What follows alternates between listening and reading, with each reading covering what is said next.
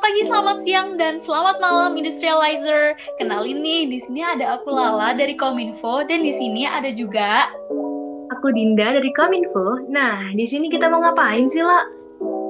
Di sini kita bakal ngobrol-ngobrol seru nih, Din. Di mana lagi kalau bukan di podcast cerita. Waduh, menarik tuh kayaknya. Tapi nih ya, La, coba dong kenalin apa itu podcast cerita.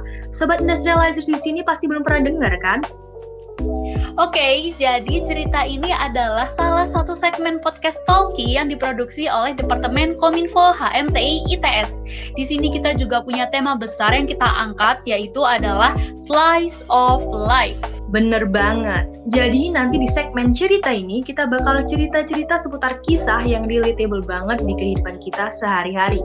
Mulai dari kuliah, cerita horor, bahkan sampai kehidupan kita di rumah.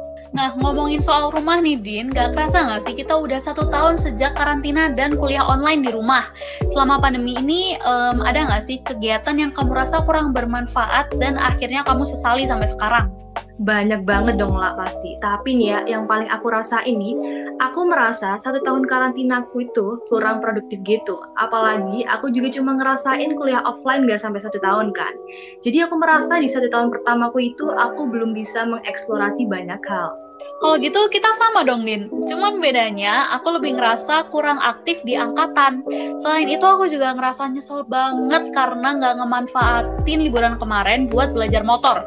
Padahal nih ya, kalau misal bisa naik motor sendiri, jatuhnya pasti lebih hemat daripada tiap hari naik ojek online. Aduh, bener banget sih itu. Eits, tapi bentar deh lah. Kayaknya obrolan kita cocok nih sama topik yang bakal kita bawain hari ini. Hmm, menarik banget tuh. Jadi daripada kita uh, bikin penasaran nih sobat industrializer tentang topik yang kita bawain hari ini, gimana kalau langsung aja kita kasih tahu nih.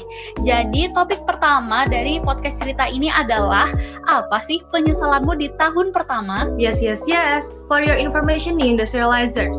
Kemarin kami Kominfo udah nyebar Google Form yang berisi pertanyaan-pertanyaan menarik seputar penyesalan teman-teman TI di tahun pertama kuliahnya. Dan luar biasa banget nih hasilnya ada ratusan respon yang masuk dan di sini nih di segmen ini kita bakal membacakan cerita-cerita penyesalan yang terpilih dan pastinya menarik banget. Kalau gitu emang cerita yang kita bacain ini bener-bener cerita terpilih ya Din karena yang masuk aja responnya ada ratusan loh. Kalau gitu daripada kita lama-lama di sini langsung aja cus kita bacain satu cerita dari Mr. Pun dari angkatan 2019. Oke Din, jadi di sini Mr. Pun ini cerita kalau dia punya beberapa penyesalan di tahun pertama.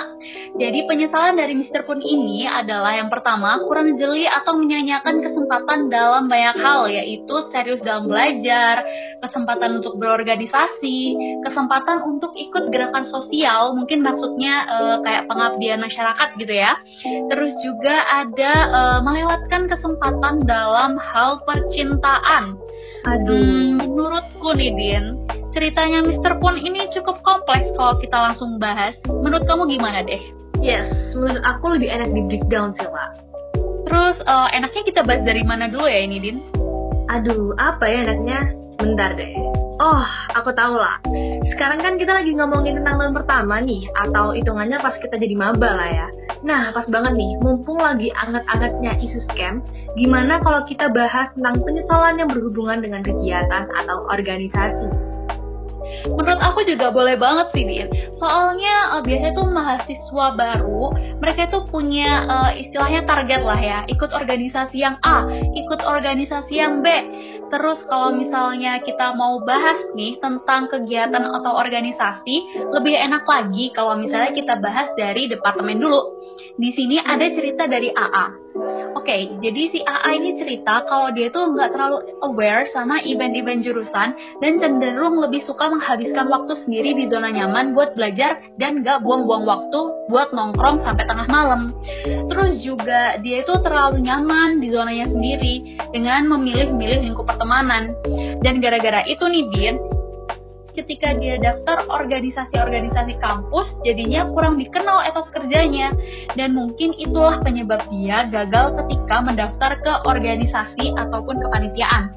Lalu um, ketika dia ingin daftar lomba dia tuh ngerasa nggak punya teman yang mau diajak serius dan sepemikiran buat ikut lomba. Padahal kalau lomba-lomba anak TI kan rata-rata berkelompok. Nah akhirnya karena uh, hal itu si AA nih bingung nih mau ngisi tahun keduanya dengan apa selain ikut kursus online sana sini. Menurut kamu gimana ya? Aku juga baca sih lah cerita itu. Terus nih ya, kalau dari yang aku baca, si AA nih kalau diberikan kesempatan buat balik ke tahun pertama, dia mau keluar dari zona nyamannya.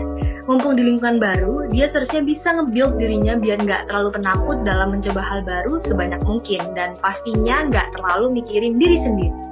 Waktu yang dulu banyak dia pakai, mau dia ubah untuk mencari peluang berkembang dan keluar dari zona nyamannya.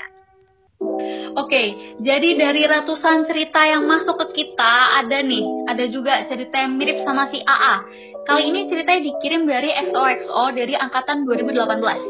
Di sini cerita, uh, dia cerita kalau penyesalannya itu adalah nggak ikut banyak kegiatan, terus juga ketika tahun pertama nih, si XOXO ini uh, niat belajarnya masih belum bangkit.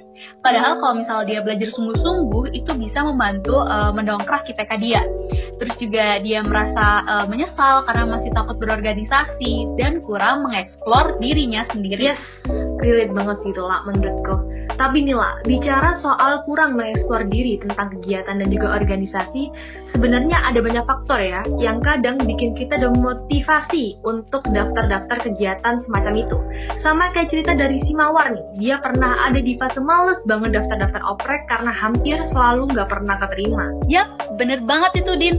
Dan gak bohong lah ya, kalau selama kuliah ini kita pasti pernah ngalamin yang namanya penolakan sekali atau dua kali ketika daftar organisasi ataupun kepanitiaan. Karena jujur nih, ketika aku waktu mahasiswa baru juga pernah ada fase males banget ikut oprek apa-apa gara-gara sering ketolak. Kalau misalnya kamu gimana, Dini?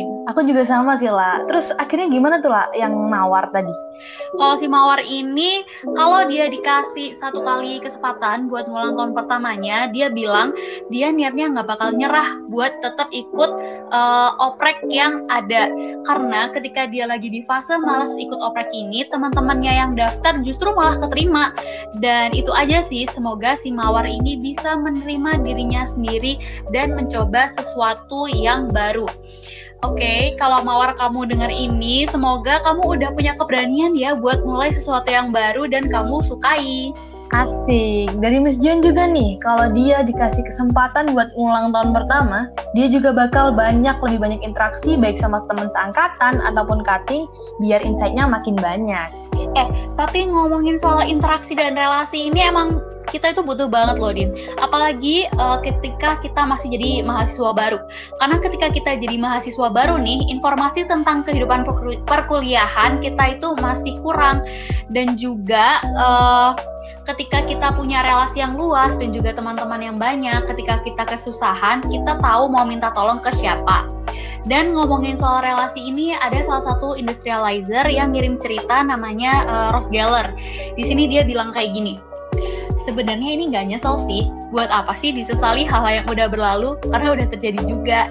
Tapi disayangkan aja, aku kurang banget sosialisasi sama anak jurusan lain. Dan si Rose Geller ini bilang kalau dia dikasih satu kali kesempatan buat ngulang tahun pertamanya, dia ingin ikut kepanitiaan-kepanitiaan atau UKM dan organisasi di tingkat institut biar kenal sama anak-anak jurusan lain. Yap, dan ternyata nih lah, yang punya penyesalan seputar relasi nggak cuma Mas Ros Geller aja. Ada juga nih dari Mr. X dan juga temennya Daniel yang nyesel karena gagal networking alias kurang berusaha untuk mencari teman, baik dalam departemen maupun luar departemen. Nah, kalau gitu ada juga nih Din, cerita yang menurut aku itu cukup unik dan perlu kita perhatikan. Di sini ceritanya cukup serius dari Anonymous angkatan 2019. Di sini dia cerita kayak gini, aku nolep dan cenderung menutup diri nggak mau berteman sama siapa pun, ke mana-mana milih sendirian. Tapi emang nggak ada yang bisa ngerti aku sih. Dan Anonymous ini cerita kalau misalnya dia emang udah kayak gitu dari SD sampai SMA. Dan uh, dia minta sarannya nih Din ke kita gimana cara mengatasi masalah dia ini. Menurut kamu gimana nih Din? Waduh, ini kayaknya masalah yang cukup serius ya lah ya. Kalau dari aku sendiri nih, kunci dari pertemanan atau membangun relasi yang paling penting adalah kemauan untuk membuka diri. Dalam hal ini, keinginan untuk mengenal dan juga dikenali oleh orang lain. Tapi nih, Mungkin kalau sobat industrializer yang lagi dengerin podcast ini punya saran untuk permasalahan si Anonymous ini, bisa banget drop komen kalian di DM HMTI ITS. Yap, itu bener banget. Langsung aja uh, hubungin kita di DM at HMTI ITS terus juga uh, selain itu Nidin menurut aku ada juga nih uh, walaupun kita membangun relasi itu penting ada kalanya juga kita harus tetap hati-hati dalam memilih circle pertemanan dan juga jangan mudah percaya sama informasi yang ada di sekitar kita. Karena di sini ada nih cerita yang unik dari aku yang pernah jadi maba. Di sini dia cerita kayak gini nggak tahu ini bisa dibilang penyesalan atau enggak Intinya, aku senang dan sedih dalam waktu yang bersamaan. Tapi kalau dibikin persentase sih 30% senang dan 70% sedih. Pesanku buat kalian para anak tahun pertama, kalau dideketin sama kating, baiknya cari tahu dulu lah ya, dia ini siapa di angkatannya, di jurusannya, atau dia ini siapa sih di KMITS? Mungkin sebenarnya ini agak nggak penting sih, tapi trust me, itu akan membantu kalian banget dan akan menolong kalian banget buat mutusin mau nerus sama si cutting ini atau enggak. Banyak yang bilang kalau deket sama cutting itu enak. Kenapa? Karena bisa dapat perlindungan, bisa dapat info penting soal kehidupan perkuliahan, dan lain-lain. But trust me, resikonya juga sama besarnya dan bahkan bisa lebih. Apa sih resikonya? Bayangin kalau kalian bermasalah sama cutting yang merupakan orang berpengaruh di KMITS. But in the end, ini bukan penyesalan sih, tapi sekedar pesan aja buat kalian, terutama yang masih di tahun pertama, biar nggak kejebak dalam perpolitikan dunia perkatingan kayak aku. Yes, di sini dia juga bilang nggak sih lah, kalau diberi satu kesempatan lagi, dia bakal nggak sembarangan mau dideketin sama Kating. Kalaupun pada akhirnya dia deket sama Kating, dia bakalan nanya kejelasan sejak awal, biar nggak terjebak dan digantung kayak sekarang. Aduh, gimana dulu? Emang sih Din, emang ngeri banget masalah cari pertemanan dan cari orang yang tepat untuk menjadi teman.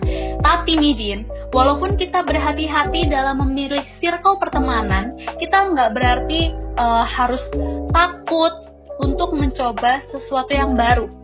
Karena di sini ada cerita dari Mr. X, di mana dia itu cerita uh, kayak gini dia terlalu percaya sama orang lain tentang organisasi pengembangan dan soal pembagian waktu. Contohnya nih, ketika Mr. X mau daftar organisasi X, dia ini bingung, uh, organisasi ini bakal ganggu waktu kuliah nggak ya? Dan uh, akhirnya dia nanya nih sama orang lain. Orang lain jawab, ya bakal ganggu sih kalau organisasi itu dan gara-gara dengar omongan orang lain ini dia akhirnya malah takut buat uh, buat memulai sesuatu. Karena dia berpikir kalau organisasi yang diikutin ini bakal ganggu waktu kuliah dia Gimana nih Din, enaknya nih Din? Oke, okay, kalau dari aku sih lah, menurutku emang kita nggak bakal tahu sebelum kita mencoba. Eh tapi nih, omong-omong soal nggak bisa manage waktu, ini juga ada nih cerita dari si S. Kalau dia tuh nyesel banget nggak bisa nge-manage waktu antara kuliah dan juga kegiatan luar, ingin kalau dia bisa ngulang waktu ke tahun pertama, dia mau lebih ngejaga kesehatan dan juga nggak ngelantarin akademik. Yap, emang bener banget Din. Kesehatan tuh emang nomor satu loh. Kalau misalnya kita lagi nggak sehat, ngelakuin apa pun tuh rasanya juga nggak semangat. Dan uh, sebenarnya buat mahasiswa baru, biasanya kesehatan tuh juga dipengaruhi sama cepat lambatnya uh, adaptasi sama pace kuliah. Ini nih salah satu penyesalan dari Mas Duki Aksa juga. Emang kadang-kadang kita itu uh, ngerasa capek banget kalau kuliah. Dan kalaupun kita sering uh, ngerasa nggak kebiasa nih sama pace kuliah yang kadang tuh parah banget kita jadi sering lupa makan jarang tidur dan hal-hal itulah yang membuat kesehatan kita malah menurun. Yes yes. Adaptasi dan penyesuaian sama kondisi kuliah di tahun pertama yang kurang baik ternyata cukup banyak disesali oleh banyak orang ya lah mulai dari Mas Wika Aksa tadi dan juga ini ada nih dari Alfian RM yang masalahnya nggak jauh beda lah dari Mas Diki Aks tadi. Betul banget. Dan selain penyesalan tadi, ada juga nih penyesalan dari Mr. Chu. Dia bilang kayak gini, Thinking that college life is fun, I was so naive. It was fun though, but comes with big consequences. Aku relate banget sama perkataan Mr. Chu kali ini. Bener-bener deh, waktu SMA tuh aku juga mikir nih, kayaknya kalau masuk kuliah tuh enak ya, bisa pergi ke sana sini nggak perlu izin orang tua, dan kayaknya tugasnya lebih santai dan begitu masuk kuliah ternyata itu sebenarnya nggak sesimpel itu kamu gimana Din waktu pertama kali masuk kuliah Setuju banget sih lah. Menurut aku konsekuensi di kuliah emang berat banget. Kadang aku juga sering banget nyesel gara-gara nggak bisa menuhin semuanya. Mirip-mirip sama cerita dari seorang berinisial XYZ nih. Dia nyesel kurang ekspor hal di luar comfort zone-nya dia. Kurang effort di akademik, social life, dan juga nih kalau dia bisa ngulang dia mau ngelakuin banyak hal di luar comfort zone-nya dia. Belajar lebih serius, ningkatin effort, dan yang pastinya lebih banyak bergaul dan juga nongkrong. Edin, gak kerasa gak sih kalau kita udah ngomongin banyak banget cerita, tapi nih ada topik-topik yang belum kita bahas sama sekali. Apa aja tuh, Din? Kasih tahu nih. Yes, kita masih belum bahas cerita tentang penyesalan karena nggak muncul di angkatan pertama. Yang kedua, penyesalan akademik, lomba, dan yang terakhir yang paling menarik yaitu tentang percintaan. Siapa sih yang nggak tertarik dengar kisah penyesalan tentang percintaan orang? Bener banget, apalagi topik yang kita bahas hari ini adalah tentang anak muda dan juga masa muda. Bayangin nih, kita ngomongin anak muda sama masa muda tapi nggak nyenggol percintaan sama sekali. Aduh, duh, kayaknya emang harus kita taruh di episode 2 cerita nih. Kalau gitu buat sobat industrializer yang mungkin penasaran sama uh, penyesalan-penyesalan lain yang akan kita bacain di next episode, boleh banget nih, yuk langsung aja follow uh, Spotify dari HMTITS dan dan juga apa Din? Dan jangan lupa pastinya untuk selalu follow dan juga pantengin terus Instagram HMTITS di @hmti underscore ITS. Oke, okay, jadi daripada kita lama-lama, langsung aja kita tutup episode satu ini. Dan juga bye-bye, see you on the next episode. Goodbye. Bye-bye.